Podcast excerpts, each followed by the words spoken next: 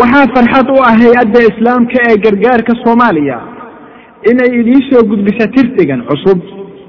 Dhallinyaroy iga dhagaysta waanadan iyo canaantan oo idinka timid gacal daacad idiin ah oo idinla jecel idiinna rajeeya khayr iyo liibaan oo uga baqaya wejiyadan cadaab iyo dabnaareed. Gacal iyaal ha caroonnina xaqaa mudan in la raaco e الأخلاء يومئذ بعضهم لبعض عدو بعضهم لبعض عدو إلا المتقين saaxiibbo maalintaas waxay isu ahaan doonaan cadowyo midkoodba kan kale lid ku ah marka laga reebo muttaqiinta waa suubanayaasha iyo saalixiinta ka cabsado allah wax badan ka jooga falalka dembiyada ah oo idil ee uu alla reebay oo alla jecel wax badan guto dhammaan falalka wanaagsan uu alle ku waajibiyey. Allah weyn fiiriya sida ay arrimo u gadoomeen oo u rogmeen oo maxabbadii iyo kalgacaylkii u noqon naceed oo saaxiibtinimadii u noqon cadaawad iyo colaad.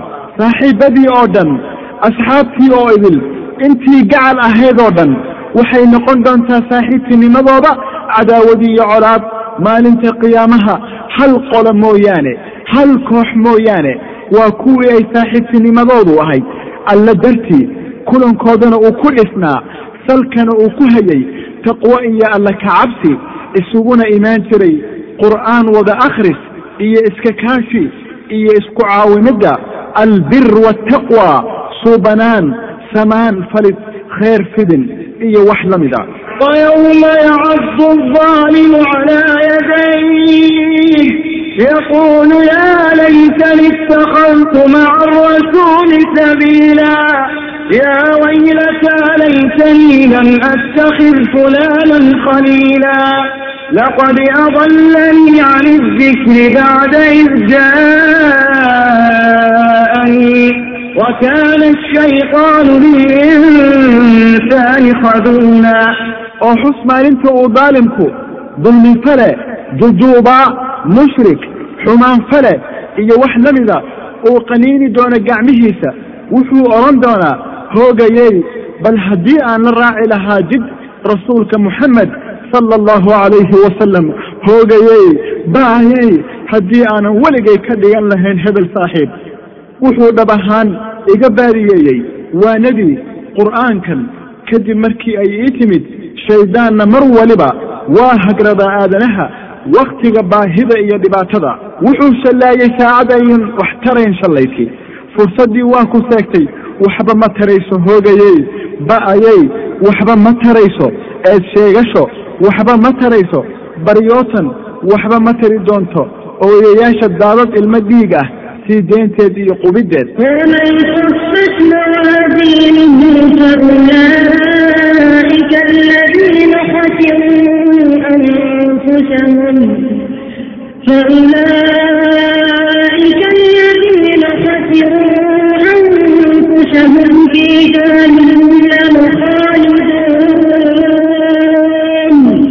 فالفحول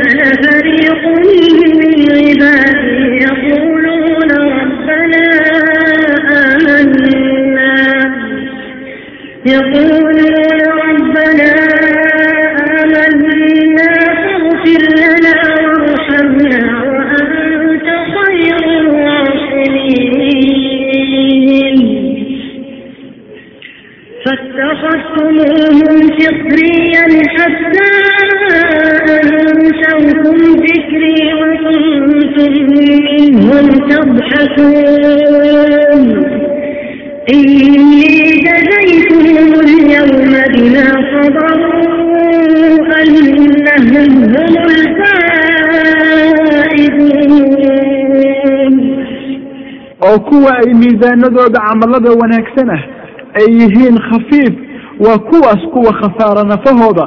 Naar gudahood bay ku waari doonaan. Naarta waxay gubi doontaa wejiyadooda. Dhexdeedayna ku qayaxmi doonaan.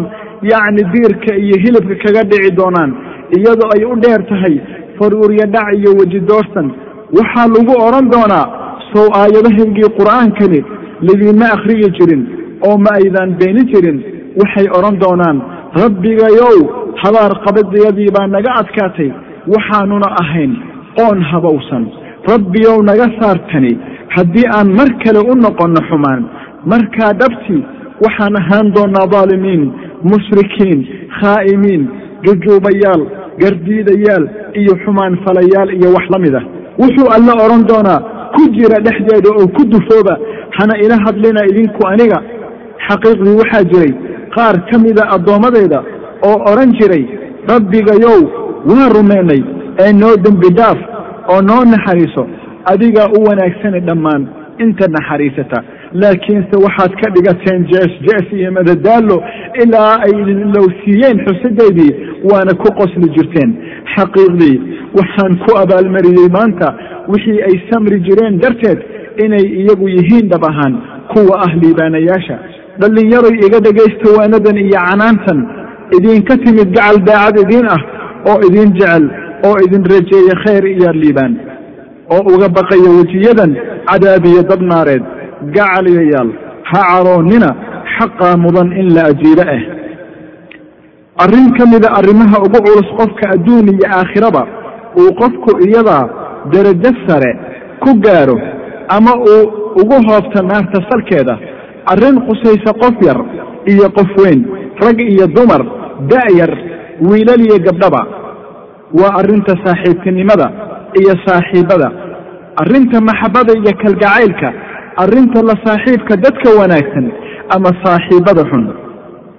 Wuxuu yidhi rasuulkii alle sala allahu calayhi wasalam qofku wuxuu qaataa dhaqanka saaxiibkiis ee ha iska fiiriyo midkiin walba qofka uu saaxiibka ka dhigan. Abu daawuud baa ku soo wariyey sanad saxiixa qofku wuxuu qaataa dhaqanka saaxiibkiis. Haweentu waxay qaadataa dhaqanka saaxiibteed.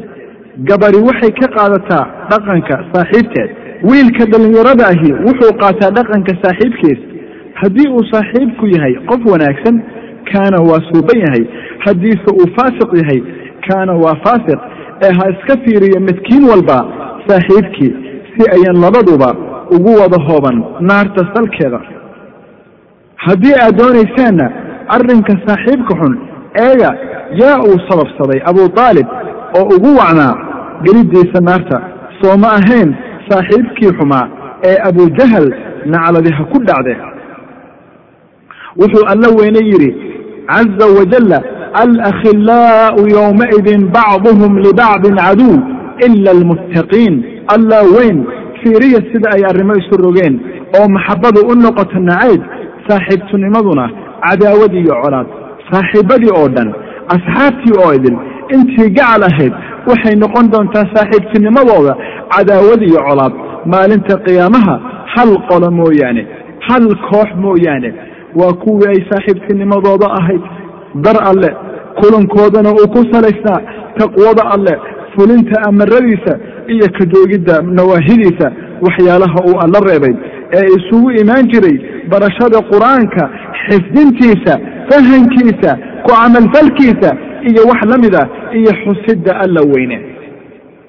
Wuxuu yidhi allah caza wajalla dhowr aayadood kadib ee aayaddii hore isagoo caddaynaya jazaha mushrikiinta dembiilayaasha xumaanfalayaasha ee aan alle u hoggaansamayn ina almujrimiina في عذاب جهنم خالدون لا يفتر عنهم وهم فيه مبلسون وما ظلمناهم ولكن كانوا هم الظالمين ونادوا يا مالك ليقض علينا ربك قال إنكم ماكثون لقد جئناكم بالحق ولكن أكثركم للحق كارهون xaqiiqdii mujrimiinta dembiilayaasha gaflowyada kuwa ku gaalooba allah tawxiidkiisa iyo rasuulkiisa moxamed sala allahu calayhi wasalam iyo kuwa ku sii socda falidda camallada xun waxay dhex ahaan doonaan cadaabta naarta si ay ugu waaraan dhexdeeda weligood. Cadaabta lagama dabcin doono oo waxay ahaan doonaan kuwa la dhex tiimbiyo hoog iyo halaag badan iyadoo ay u dheer tahay murugo ciil catow calaacal dhexdeeda annagu maanu dulmiyin iyaga laakiinse iyagaa ahaa daalimiin mushrikiin gaflowyo xumaanfalayaal xaqdiidyo iyo wax la mid ah oo waxay ku barooran doonaan maaligow baalig waa furuhayeenka naarta rabbigaa ha noo yeela dhammaad wuxuu odhan doonaa xaqiiqdii waad ku waari doontaan weligiin dhabtii waxaan idiin keennay xaqii moxamed sala allahu calayhi wasalam iyo qur'aanka uu la yimid tawxiidka laakiinse badankiinu idinku waxaad u haysaan nacayb xaqa. Waxaa idin yimid aayadihii markaasaad ku jeesjeesteen. Waxaa idin yimid waacidiin iyo samaka taliyayaal waa ku jeesjeesteen oo quursateen oo nacdeen oo hoos u eegteen. Marka maanta jazahiinu waa kuwaaridda naarta.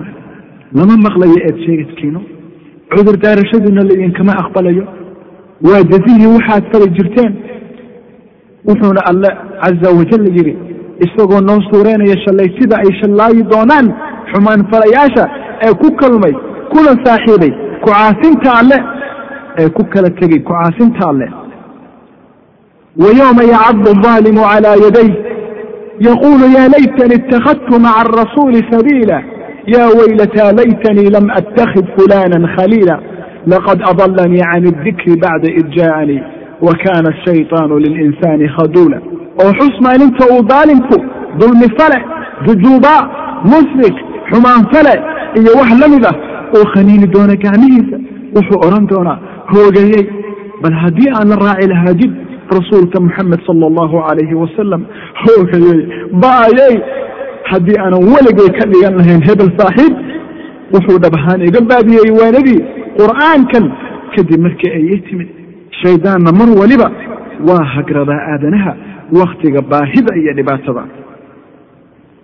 Maalinta qiyaamaha wuxuu qaniini doonaa kaa ku dulmiyey naftiisa macsi iyo fisiq labadiisa gacmood. Ciil catow caatibawaa shallayti murugo iyo tiiraanya awgeed. Balse shallayti awgeed kuma ekaan doono far keliya inuu qaniino. Kumana ekaan doono dhowr qaniiniyood oo keliya. Ee wuxuu qaniini doonaa labadiisa gacmood laakiinse nasiib daro wuxuu shallaayey wakhti ay shallaytidu wax u tareen fursaddii waa seegtay waxba ma tarayso hoogayey ba'ayay waxba ma tarayso eed sheegad waxba ma tari doonaan baryootan waxba uma tari doonto ooyayaasha ilmada ay qubi doonaan. Wuxuu odhan doonaa alla maxaan u qaadi waayey jidkii rasuulkii alla sala allahu calayhi wasalam alla maxaan u adeeci waayey amarkiisa oo uga joogi waaye wixii uu ka joogi yiri alla maxaan u dhowri waaye diintii alle ee uu la yimid rasuulkii alle moxamed sala allahu calayhi wasalam alla maxaan ula saaxiibi waaye akhyaarta ku dhaqanta qur'aanka iyo sunnada. Nebi moxamed sala allahu calayhi wasalam alla alla hadduu alla aleeyey dunidiina ku faajafaajoonayey hadduu baraarugay adduunkiina dhownaan buu ku sugnaa alla maxaan uga dhigtay hebel saaxiib? Maxay? Ma waxaad sidaa uga tegaysaa saaxiibkaagii? Ma waxaad sidaa ku dayacaysaa si fudud rafiiqaagii? Ma waxaad kaga beri noqonaysaa saaxiibkaagii iyo gacalkaagii goobtan? Sababtu waa maxay? Maxaa yeelay wuxuu iga duway qur'aanka iyo sunnada markii ay i yimaadeen kadib. Allah weyn muxuu saaxiib ka beri noqon doonaa saaxiibkii maalinta qiyaamaha muxuu gacal ka beri noqon doonaa gacalkii goobtaas naxdinta leh. Wuxuu iga duway jidkii qur'aanka iyo sunnada markii ay i yimaadeen. Wuxuu u dhowaa inuu qaado jidkii hanuunka adduunyadii. Wuxuu u dhowaa inuu kula tukado shanta salaadood ee faralka ah jamaacada muslimiinta ah masjidka. Wuxuu ku dhowaaday inuu xafido qur'aanka oo dusha ka wada qaybo fahmo ku camalfalo wuxuu ku dhowaaday inuu ku adeeca alla wax kasta oo uu amray oo ka joogo wax weliba uu alla reebay kana jooge. Laakiinse saaxiibkaa xun baa ka lumiyey jidkii oo ka hor istaagay hanuunkii toosnaa markaabuu wuxuu u kaxeeyey shaneemo baarar dhisko khayilaad sigaar cab qaad shukaansi digid aflaan fiirsi la soo caweyn haween ajanabi ka ah oo ku yidhi rugaha iyo acmaashan baa ka roon masjidka qur'aanka ahlu khayrka iyo wax la mid a markaasuu ka siistay oo rumaystay oo beeniyey allah oo doortay jidkii shaydaanka ee baas oo ka tegey jidkii raxmaanka marka wuxuu jazihiisa noqday shallayti iyo murug iyo tiiraan daran oo qalbigiisa la googacay. Haddiina uu saaxiibkaa caaqa ahi uu maqlay saaxiibkiisaasi xun warkiisa oo ay naarta wada galeen waxaa jira mid kaloo caaqil ah oo raacay jidkii hanuunka oo ku socda dhibla'aan shaki iyo shubhad la'aan. Isagoo dhexda marayana uu u yimid saaxiib xume oo ku yidhi war ma waxaad rumaysanaysaa inay jirto janno iyo naar ama inay jirto abaalgudi iyo ciqaab? Iska daa jidkan oo ku raaxaysa adduunka inta aad nooshahay weli dhallinyaro baa tahay. Laakiinse qofkaasi caqlilowga ah laad buu ku qaaday saaxiibkaasi xun oo cagihiisa hoostiisa ka yaalay oo jidkaasi wanaagsan hayay ilaa uu ku janno tegey oo ku raaxaystay nicmadaha yaal oo la soo xusuustay walaalo kale oo ahlu jannaadka ah ayaamihii tegay adduunka iyo wixii dhex maray saaxiibkii xumaa. Markaasay isaga iyo walaaladii ahlu jannaadka ahi dhugteen naarta. Markaasay arkeen isagoo salkeeda ku jira saa alluu mahdiyey oo ammaanay oo uga xamdi noqay badbaadinta uu ka badbaadiyey habowga oo uga shukriyey hanuunka wuxuu yidhi alla weyne isagoo nooga warramaya xaalkooda فأقبل بعضهم على بعض يتساءلون قال قائل منهم إني كان لي قرين يقول أئنك لمن المصدقين أإذا متنا وكنا ترابا وعظاما أئنا لمدينون قال هل أنتم مطلعون فاطلع فرآه في سواء الجحيم قال تالله إن كدت لتردين ولولا نعمة ربي لكنت من المحضرين أفما نحن بميتين إلا موتتنا الأولى وما نحن بمعذبين إن هذا لهو الفوز العظيم لمثل هذا فليعمل العاملون أذلك خير نزلا أم شجرة الزقوم إنا جعلناها فتنة للظالمين إنها شجرة تخرج في أصل الجحيم طلعها كأنه رؤوس الشياطين فإنهم لآكلون منها فمالئون منها البطون ثم إن لهم عليها لشوبا من حميم ثم إن مرجعهم لإلى الجحيم wuxuu ku soo jeedsan doonaa mid aclo wax isweydiinaya. Midkood hadlaya baa odhan doona xaqiiqdii waxaan ku lahaan jiray rafiiq adduunka. Kaasoo odhan jiray ma waxaad ka mid tihiin kuwa rumaysan in iilka layska soo saari doono geerida dabadeed? Ma markii aan dhimanno oo aan noqonno ciid iyo lafo miyaa dhabteedna la soo saari doonaa? Si aan ula kulanno abaalgud ama ciqaab hadba siday ahaayeen camalladeennu? Ninkii wuxuu yidhi ma eegaysaa halka hoose. Saa wuxuu fiirshay hoos oo ku arkay isagii naarta bartankeeda wuxuu yidhi wallaahi waxaad sigtay inaad ihalligto haddii aysan jirtay nicmadda rabbigay waxaan hubaashii ka mid ahaan lahaa kuwa la soo xaadiriya naarta. Alla wuxuu ka warramayaa muuminkaa dhabtah inuu yidhi ma ahin miyaa kuwa dhimanaya dib dambe? Dhimashadayadii hore ma ahee? Oo ma ahin miyaa kuwa la cadaabi doona kadib markii aan galnay jannada? Run ahaantii tan baa ah liibaanta weyn waxaan oo kale camalfashayaashu ha u camalfasheen ma taas jannada baa martiqaad iyo maamuusid wanaagsan mise geedka zaquumka geedka xun oo ku yaal naarta. Xaqiiqdii waxaan u yeelnay isaga jarribaad ahaan daalimiinta mushrikiinta gaalada xumaan falayaasha iyo wax la mid ah. Xaqiiqdii waa geed ka baxa naarta dabka ah salkeeda. Fiidaha khaylalka miraheeda waa sida madaxyada shaydaamada. Run ahaantii waxay wax ka cuni doonaan isaga oo ka buuxin doonaan urarkooda geedkaas dabadeed waxaa taa u dheer oo la siin doonaa biyo kulul si ay u cabbaan. Sidaa darteed waxay noqonaysaa isku dar biyo kulul iyo geedka suquumka urarkooda dhexdooda. Dabadeed intaas kadib xaqiiqdii noqodkoodu waa hol acdabka aan damin ah ee naarta. Korkooda waxaa ah naar. Hoostoodana naar. Waa ku gaajoonayaan. Markaasaa waxaa loo keenayaa geedka zaquumka ka qaraar sibirka qodxaha geedkaasina wuxuu ku dhegi doonaa cunahooda. Markaasay waxay dalbayaan sharaab si qaraarkiisu u dhaafo qodxahana u maraan kulkana ka damo.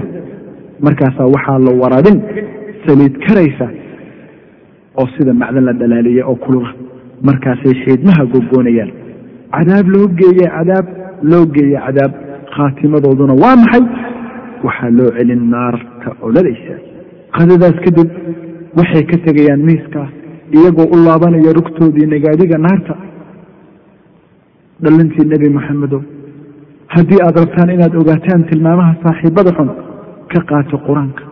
Wuxuu yidhi alla weyne jalla wacala wman khafat mawaaziinuh faulaa'ika aladiina khasiruu anfusahum fii jahannama khaaliduun. Talfaxu wujuuhahum annaar wahum fiiha kaalixuun ألم تكن آياتي تتلى عليكم فكنتم بها تكذبون ألم تكن آياتي تتلى عليكم فكنتم بها تكذبون قالوا ربنا غلبت علينا شقوتنا وكنا قوما ضالين ربنا أخرجنا منها فإن عدنا فإنا ظالمون قال اخسأوا فيها ولا تكلمون إنه كان فريق من عبادي يقولون ربنا آمنا فاغفر لنا وارحمنا وأنت خير الراحمين فاتخذتموهم سخريا حتى أنسوكم ذكري وكنتم منهم تضحكون إني جزيتهم اليوم بما صبروا أنهم هم الفائزون oo kuwa ay miisaanadooda camaladoo wanaagsan ahi waa kuwaas kuwa khasaara nafahooda. Naar gudahood bay ku waari doonaan. Naarta waxay gubi doontaa wejiyadooda. Dhexdeedayna ku qayaxmi doonaan. Yacni diirka iyo hilibka kaga dhici doonaan. Iyadoo ay u dheer tahay faruuryo dhaca iyo weji doorsan waxaa lagu odhan doonaa soo aayadahaygii qur'aankani lidinma akhriyi jirin oo ma aydaan beenin jirin. Waxay odhan doonaan rabbigayow habaar qabadiyadii baa naga adkaatay. Waxaanuna ahayn qoon habowsan rabbiyow naga saartani. Haddii aan mar kale u noqonno xumaan markaa dhabti waxaan ahaan doonnaa daalimiin mushrikiin khaa'imiin jujuubayaal gardiidayaal iyo xumaan falayaal iyo wax la mid ah. Wuxuu alla odhan doonaa ku jira dhexdeeda oo ku dufooba hana ila hadlina idinku aniga. Xaqiiqdii waxaa jiray qaar ka mida addoommadayda oo odhan jiray rabbigayow waa rumeynay. Ee noo dembi dhaaf oo noo naxariiso adigaa u wanaagsane dhammaan inta naxariisata. Haddaba ma ka mid noqoteen kuwa ma qaadeen jidka ikhyaarta maya waxaad ka dhigateen jees jees ilaa ay idin ilowsiiyeen oo aad qosol iyo midadaalo ka dhigateen. Waxaad howl ka dhigateen ku jeesjeeskood ku qosolkood. Waxaana idinla gudboonaa inaad la jirkood noqotaan oo aad xustaan rabbigiin kadib jazaha maalinta qiyaama muxuu noqon doonaa inii jazaytuhum alyawma bima sabaruu annahum hum alfaa'izuun waxaan ugu abaalgudnay maanta wixii ay sabri jireen darteed inay iyagu yihiin liibaanayaasha xaqiiqdii waxaan ku abaalmariyey maanta wixii ay samri jireen darteed inay iyagu yihiin dhab ahaan kuwa ah liibaanayaasha waa sidaase saaxiibba xumayaasha noloshoodu waa jeesjeesid xayaatadooduna waa maaweele iyo madadaalo dunidooduna waa dheel iyo cayaar. Guryahooduna waa suuq iyo rigo turub iyo dunnad iyo qaad iyo heeso xun. Fadhigooduna waa qaxwooyinka caweysyada xunxun iyo wax la mid ah. Golooyinkooduna waa fisiq iyo falxumo. Hadalkooduna waa waxamasho iyo duridda dadka iyo aflagaada iyo rayxumo sharaabkooda iyo cuntadooduna waa sigaar qaad daroogooyin iyo wax la mid ah. Waxaa didlahooda korkor mara qosollo dhaadheer indhahooda waxaa ku rogan caaq dhagahoodana waxaa saaran culays oo waa ka oodan yihiin dhegaysiga hanuunka. Indhahooduna waa qallalan yihiin laabahooduna waa arag la' yihiin garashadooduna waa guracan tahay qalbiyadooduna waa madow yihiin. Waxaad ka helaysaa golahooda wax waliba qur'aanka ma ahe carabyadooda wax kasta waad ka helaysaa ood kala kulmaysaa xusidda alla ma ahe.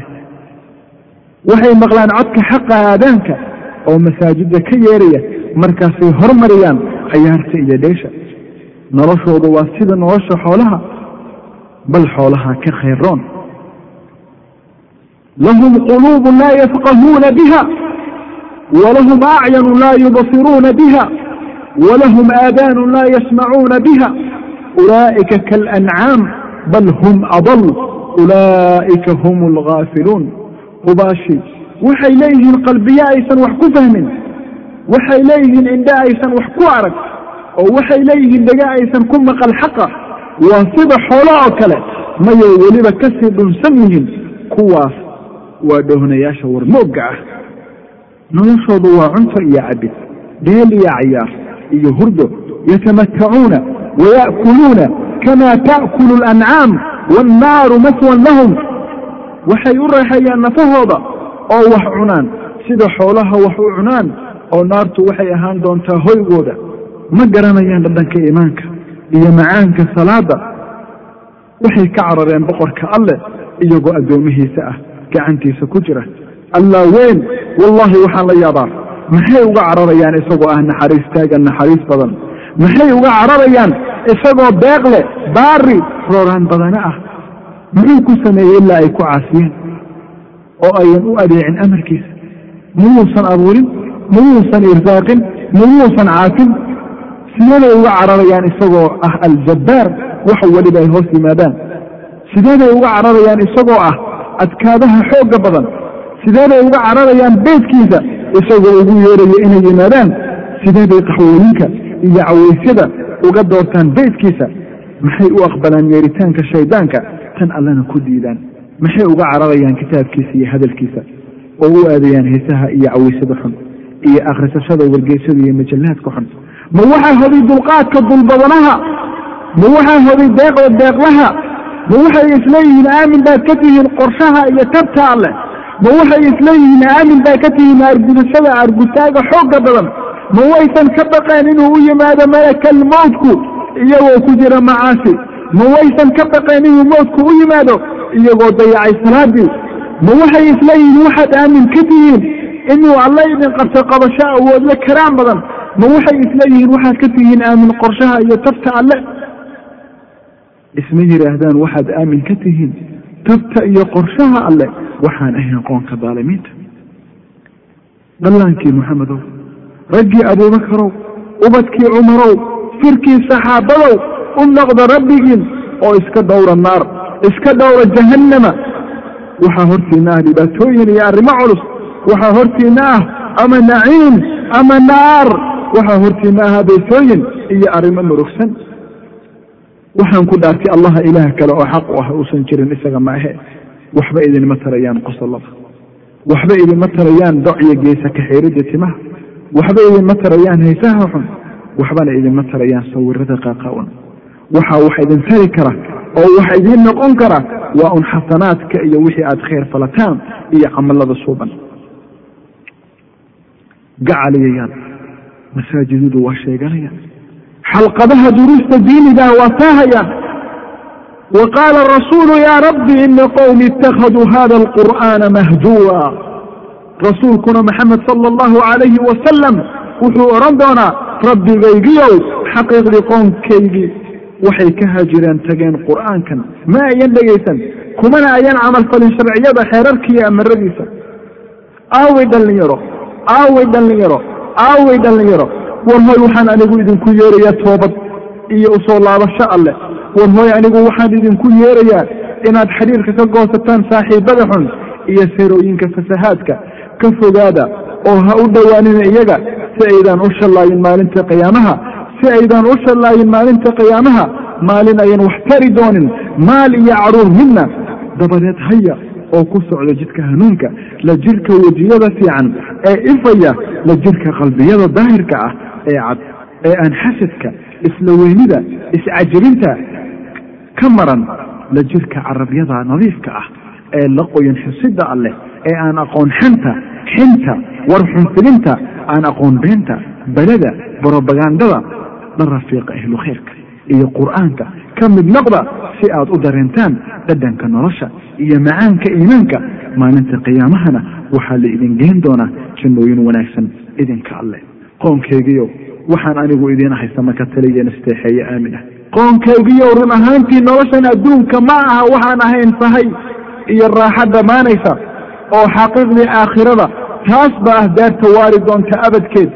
Kii kastoo sameeyaa falxun laguma daasayn doono waxaan ahayn iyadoo kale oo kii kastoo wanaag fala lab ama dadig wuxuu ahaadaba isagoo mu'min dhaba rumaysan tawxiidka alleh. Kuwaas baa geli doona jannada halkaasaa lagu irsaaqi doonaa dhexdeeda wax kasta iyagoo tiro badan xad la'aan qoonkaygiyo waa sidee waxaan idinku yeeraa badbaadada. Halka aad idinku igu yeertaan naarta. Waxaad iigu yeertaan inaan ku gaaloobo alla iyo tawxiidkiisa iyo inaan u yeelo shariike xagga cibaadada isaga la jirki oo aan u haysan wax cilmi ah. Aniguna waxaan idinku yeeraa xagga awood badanaha dembi dhaafka badan.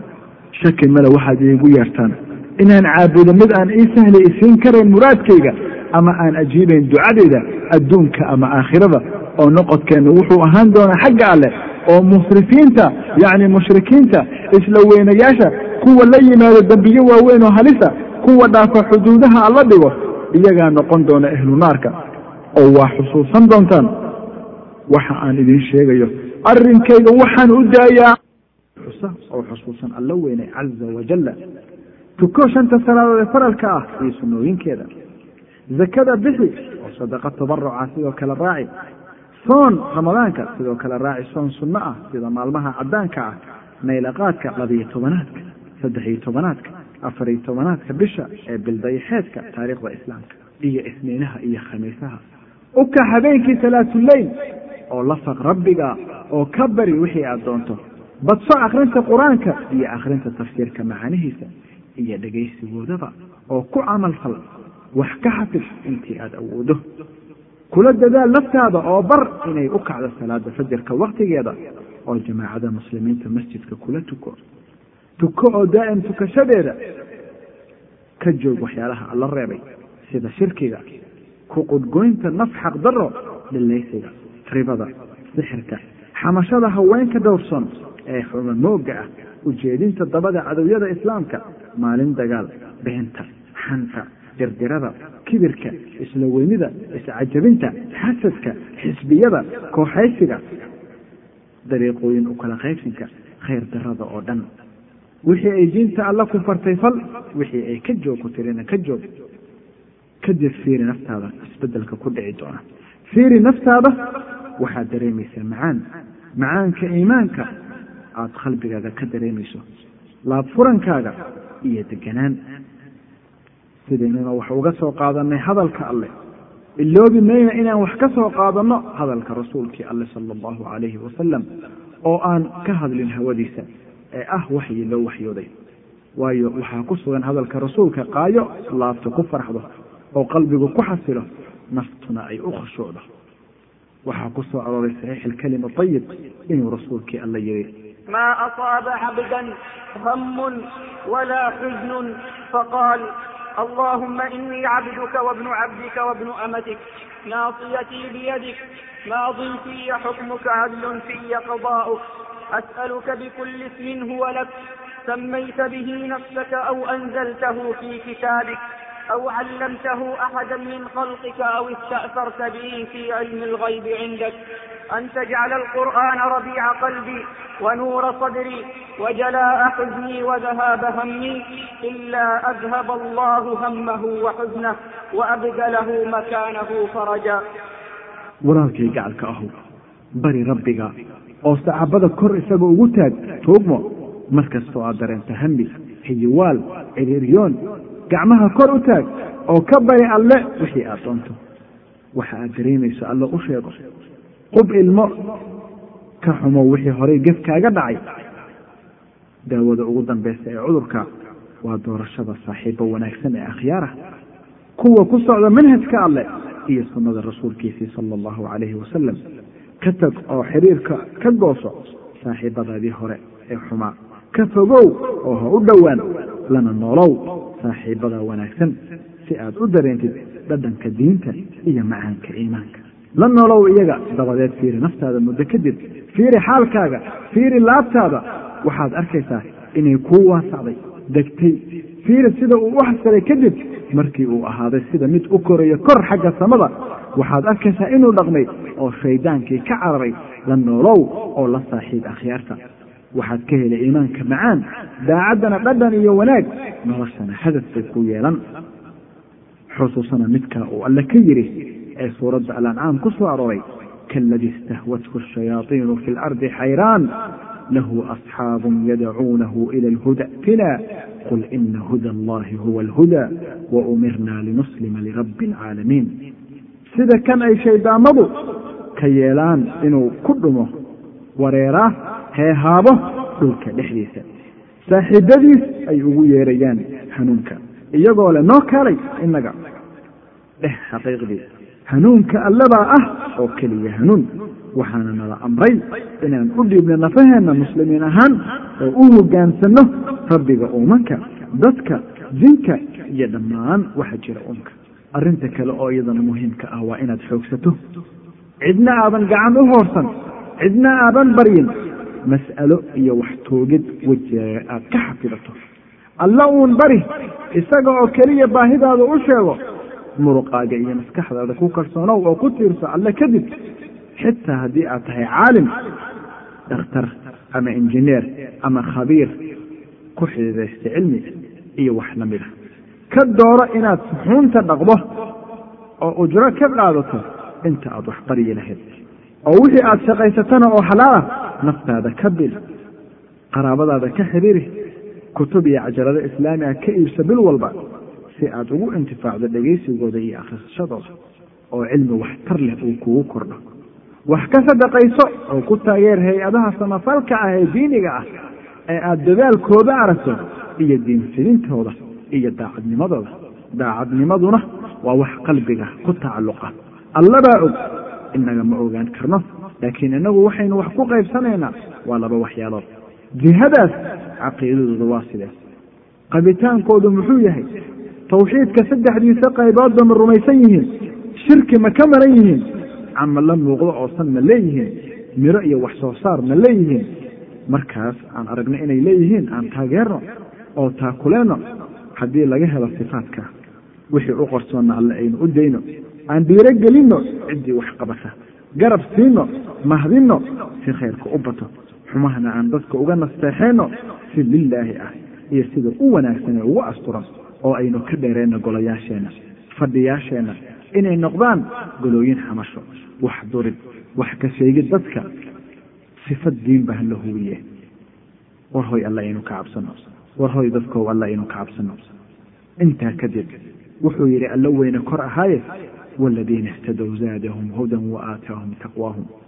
Halka xagga kuwa aqbala hanuunka uu alle kordhiya hanuunkooda oo uu ku galladaysto korkooda suubanaantooda wuxuu kaloo yidhi kor ahaaye ina aladiina aamanuu wacamiluu asaalixaat sayajcalu lahum araxmaanu wudda xaqiiqdii kuwa rumeeya tawxiidka alleh iyo rasuulkiisa muxamed sala allahu calayhi wasalam oo fala camallo wanaagsan raxmaanku allah wuxuu u gelin doonaa kalgacayl qalbiyada mu'miniinta.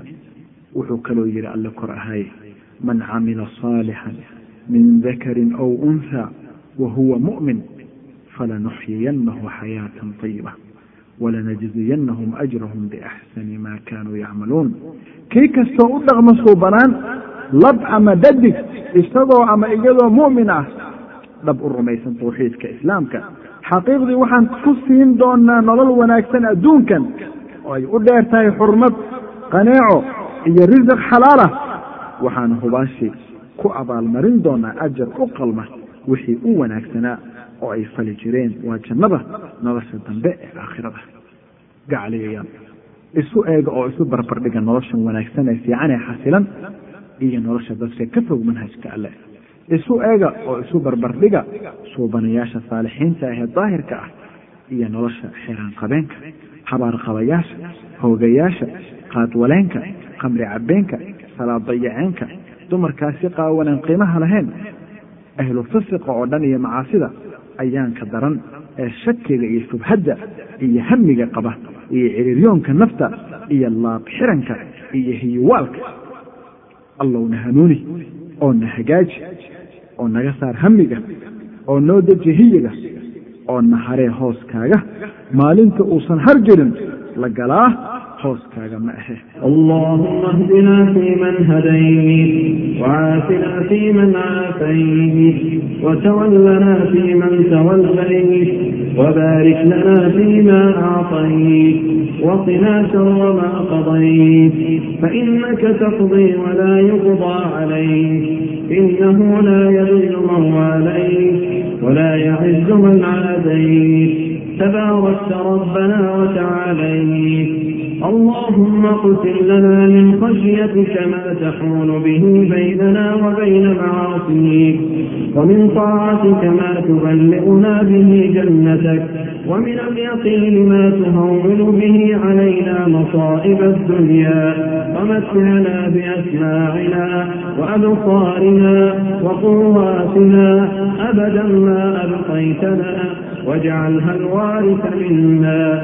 واجعل ثأرنا على من ظلمنا وانصرنا على من عادانا ولا تجعل مصيبتنا في ديننا ولا تجعل الدنيا أكبر همنا ولا مبلغ علمنا ولا إلى النار مصيرنا واجعل الجنة هي دارنا ولا تسلط علينا بذنوبنا من لا يخافك ولا يرحمنا برحمتك يا أرحم الراحمين اللهم إنا نسألك من الخير كله عاجله وآجله ما علمنا منه وما لم نعلم ونعوذ بك من الشر كله عاجله وآجله ما علمنا منه وما لم نعلم اللهم إنا نسألك من خير ما سألك منه عبدك ورسولك محمد صلى الله عليه وسلم اللهم إنا نعوذ بك من شر ما استعاذك منه عبدك ورسولك محمد صلى الله عليه وسلم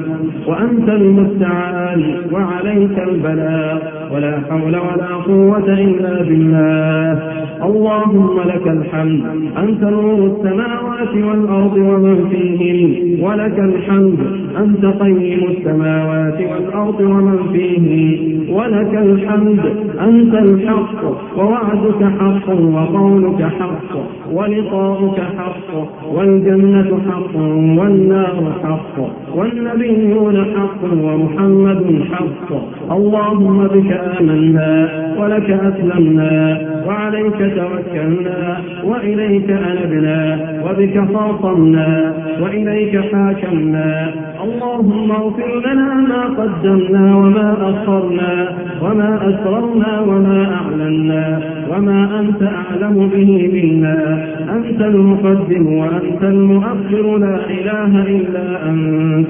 اللهم لا تحرمنا من خيراتك بما عندنا من الذنوب اللهم لا تحرمنا خير ما عندك بشر ما عندنا برحمتك يا أرحم الراحمين اللهم أعز الإسلام والمسلمين وأذل الشرك والمشركين ودمر أعداء الدين واجعل هذا البلد البلد آمنا مطمئنا وسائر بلاد المسلمين برحمتك يا أرحم الراحمين اللهم ذكرنا النطق بالشهادة عند الموت إذا يبس اللسان وارتقت اليدان وامتدت الساقان وبرزت العينان اللهم هون علينا سكرات الموت وأوجاعه وآلامه وزفراته وغمراته برحمتك يا أرحم الراحمين اللهم واجعل القبور بعد فراق الدنيا من خير منازلنا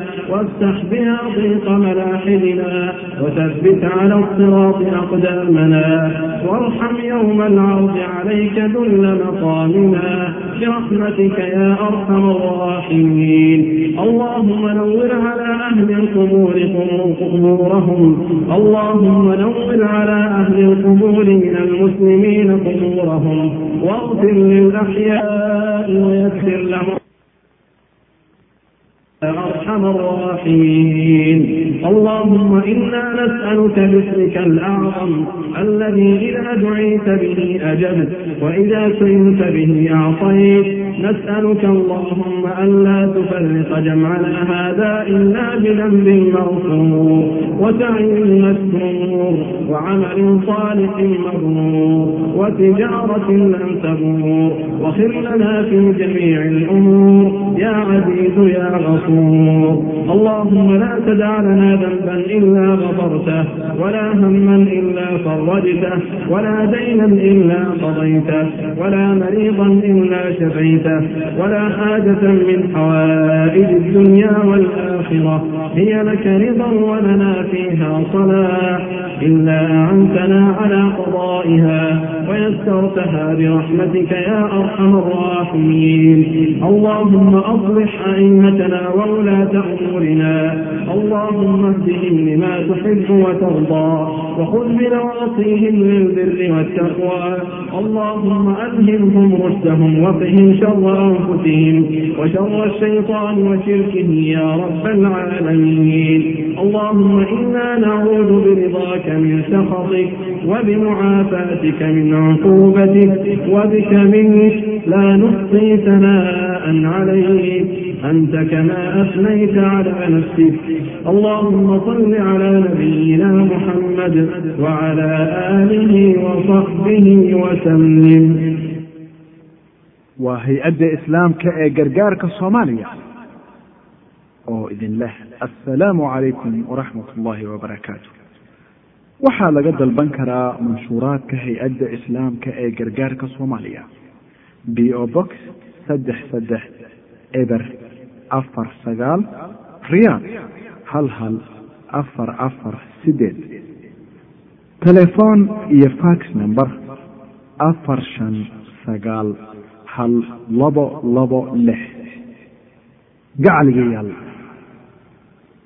waxay hay'addu idinku bishaaraynaysaa soo isbaxa tafsiirka macaanida qur'aanka ee cusub oo kun iyo laba boqol iyo toddobaatan iyo shan bog ah oo siiradiina ay weheliso oo si gaara looga shaqeeyey. Waana horumar weyn ay samaysay walilaahi alxamdu waalminna dacwada islaamka ee soomaaliya sidoo kale hay'addu waxay soo saartay kutub iyo cajalado kala duwan oo dhaxalgala oo lagala soo xidhiiri karo. Iyo isdaaraad akhriska qur'aanka ah oo mashaayikh kala duwana haddana gaclayayaal aynu la noolaano daqiiqadahan qaaliga ah qaybo ka mid ah isdaaraadkeeda وعلى الأعراف رجال يعرفون كلا بسماهم ونادوا أصحاب الجنة أن سلام عليكم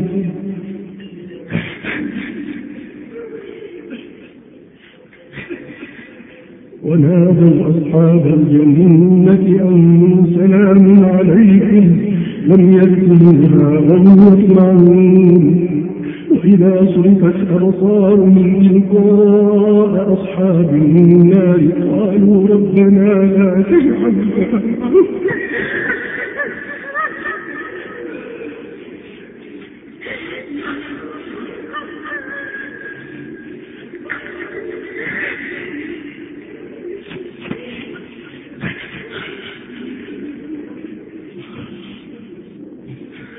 وسقطت أبصارهم تلقاء أصحاب النار قالوا ربنا قالوا ربنا لا تجعلنا مع القوم الظالمين ونادى أصحاب الأعراف رجالا يعرفونهم بسيماهم قالوا ما أغنى عنكم جمعكم وما كنتم تستكبرين أهؤلاء الذين أقسمتم لا ينالهم الله برحمة ادخلوا الجنة لا خوف عليكم ادخلوا الجنة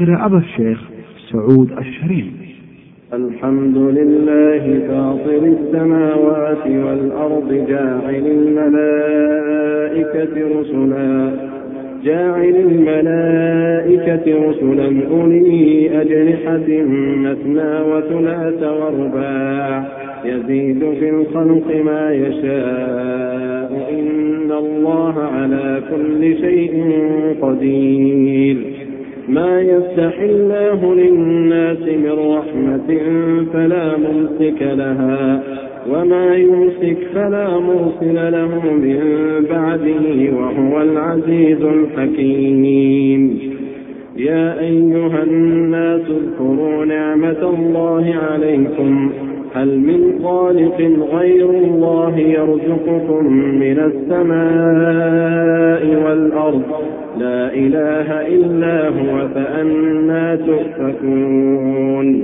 وإن يكذبوك فقد كذبت رسل من قبلك وإلى الله ترجع الأمور يا أيها الناس إن وعد الله حق فلا تغرنكم الحياة الدنيا فلا تغرنكم الحياة الدنيا ولا يغرنكم بالله الغرور إن الشيطان لكم عدو فاتخذوه عدوا إنما يدعو حزبه ليكونوا من أصحاب السعير الذين كفروا لهم عذاب شديد والذين آمنوا وعملوا الصالحات لهم مغفرة وأجر كبير أفمن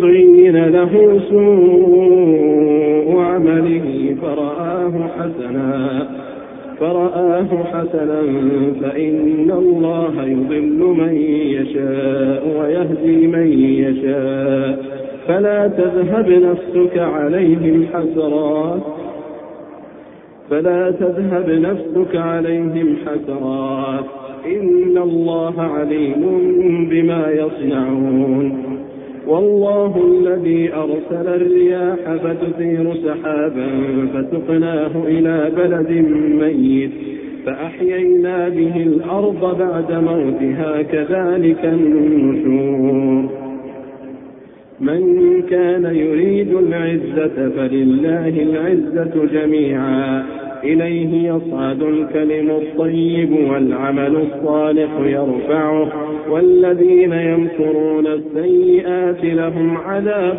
شديد ومكر أولئك هو يبور والله خلقكم من تراب ثم من نطفة ثم جعلكم أزواجا وما تحمل من أنثى ولا تضع إلا بعلمه وما يعمر من معمر ولا ينقص من عمره إلا في كتاب إن ذلك على الله يسير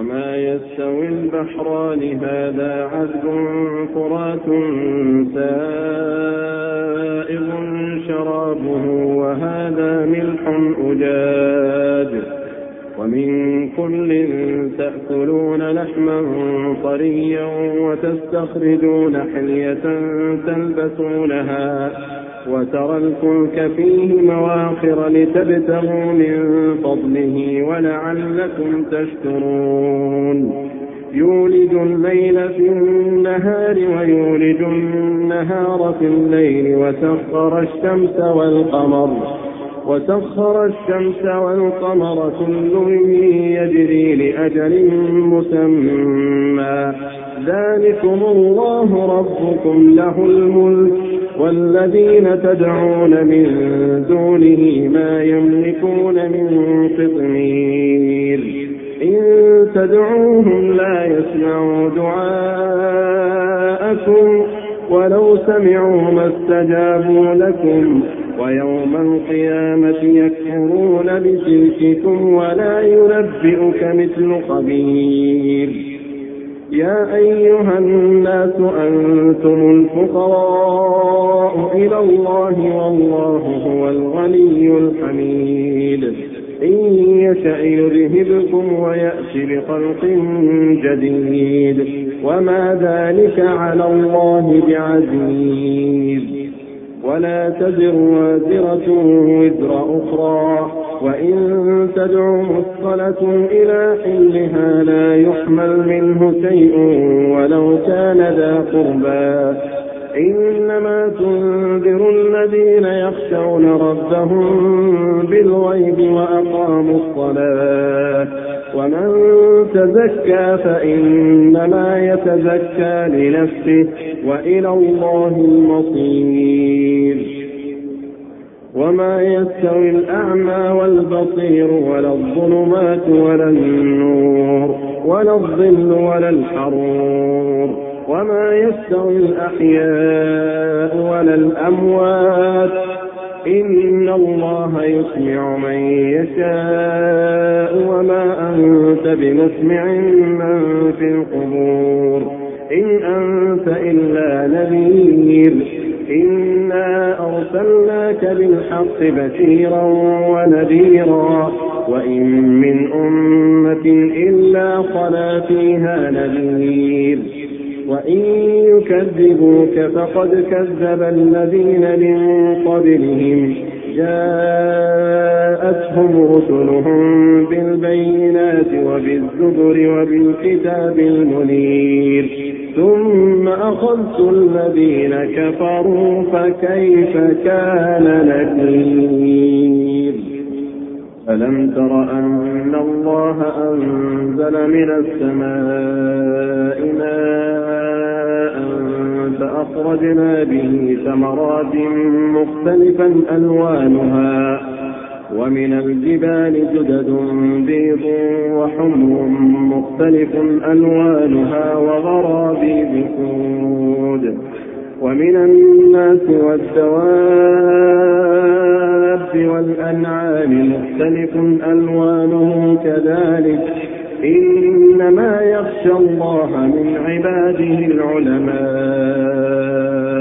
إن الله عزيز غفور إن الذين يتلون كتاب الله وأقاموا الصلاة وأنفقوا مما رزقناهم سرا وعلانية سرا وعلانية يرجون تجارة لن تبور ليوفيهم أجورهم ويزيدهم من فضله إنه غفور شكور والذي أوحينا إليك من الكتاب هو الحق مصدقا لما بين يديه إن الله بعباده لخبير بصير ثم أورثنا الكتاب الذين اصطفينا من عبادنا فمنهم ظالم لنفسه ومنهم مقتصد ومنهم سابق بالخيرات بإذن الله ذلك هو الفضل الكبير جنات عدن يدخلونها يحلون فيها من أساور من ذهب ولؤلؤا من أساور من ذهب ولؤلؤا ولباسهم فيها حرير وقالوا الحمد لله الذي أذهب عنا الحزن إن ربنا لغفور شكور الذي أحلنا دار المقامة من فضله لا يمسنا فيها نصب ولا يمسنا فيها لغوب والذين كفروا لهم نار جهنم لا يقضى عليهم فيموتوا ولا يخفف عنهم من عذابها ولا يخفف عنهم من عذابها كذلك نجزي كل كفور وهم يصطرخون فيها ربنا أخرجنا نعمل صالحا غير الذي كنا نعمل أولم نعمركم ما يتذكر فيه من تذكر وجاءكم النذير فذوقوا فما للظالمين من نصير إن الله عالم غيب السماوات والأرض إنه عليم بذات الصدور هو الذي جعلكم خلائف في الأرض فمن كفر فعليه كفره ولا يزيد الكافرين كفرهم عند ربهم إلا مقتا ولا يزيد الكافرين كفرهم إلا خسارا قل أرأيتم شركاءكم الذين تدعون من دون الله أروني ماذا خلقوا من الأرض أروني ماذا خلقوا من الأرض أم لهم شرك في السماوات أم آتيناهم كتابا فهم على بينة منه بل إن يعد الظالمون بعضهم بعضا إلا غرورا إن الله يمسك السماوات والأرض أن تزولا ولئن زالتا إن أمسكهما من أحد من بعده إنه كان حليما غفورا وأقسموا بالله جهد أيمانهم لئن جاءهم نذير ليكونن أهدى من إحدى الأمم فلما جاءهم نذير ما زادهم إلا نفورا استكبارا في الأرض ومكر السيئ ولا يحيق المكر السيء إلا بأهله فهل ينظرون إلا سنة الأولين فلن تجد لسنة الله تبديلا ولن تجد لسنة الله تحويلا أولم يسيروا في الأرض فينظروا كيف كان عاقبة الذين من قبلهم وكانوا أشد منهم قوة وما كان الله ليعجزه من شيء في السماوات ولا في الأرض إنه كان عليما قديرا ولو يؤاخذ الله الناس بما كسبوا ما ترك على ظهرها من دابة ولكن يؤخرهم إلى أجل مسمى فإذا جاء أجلهم فإن الله كان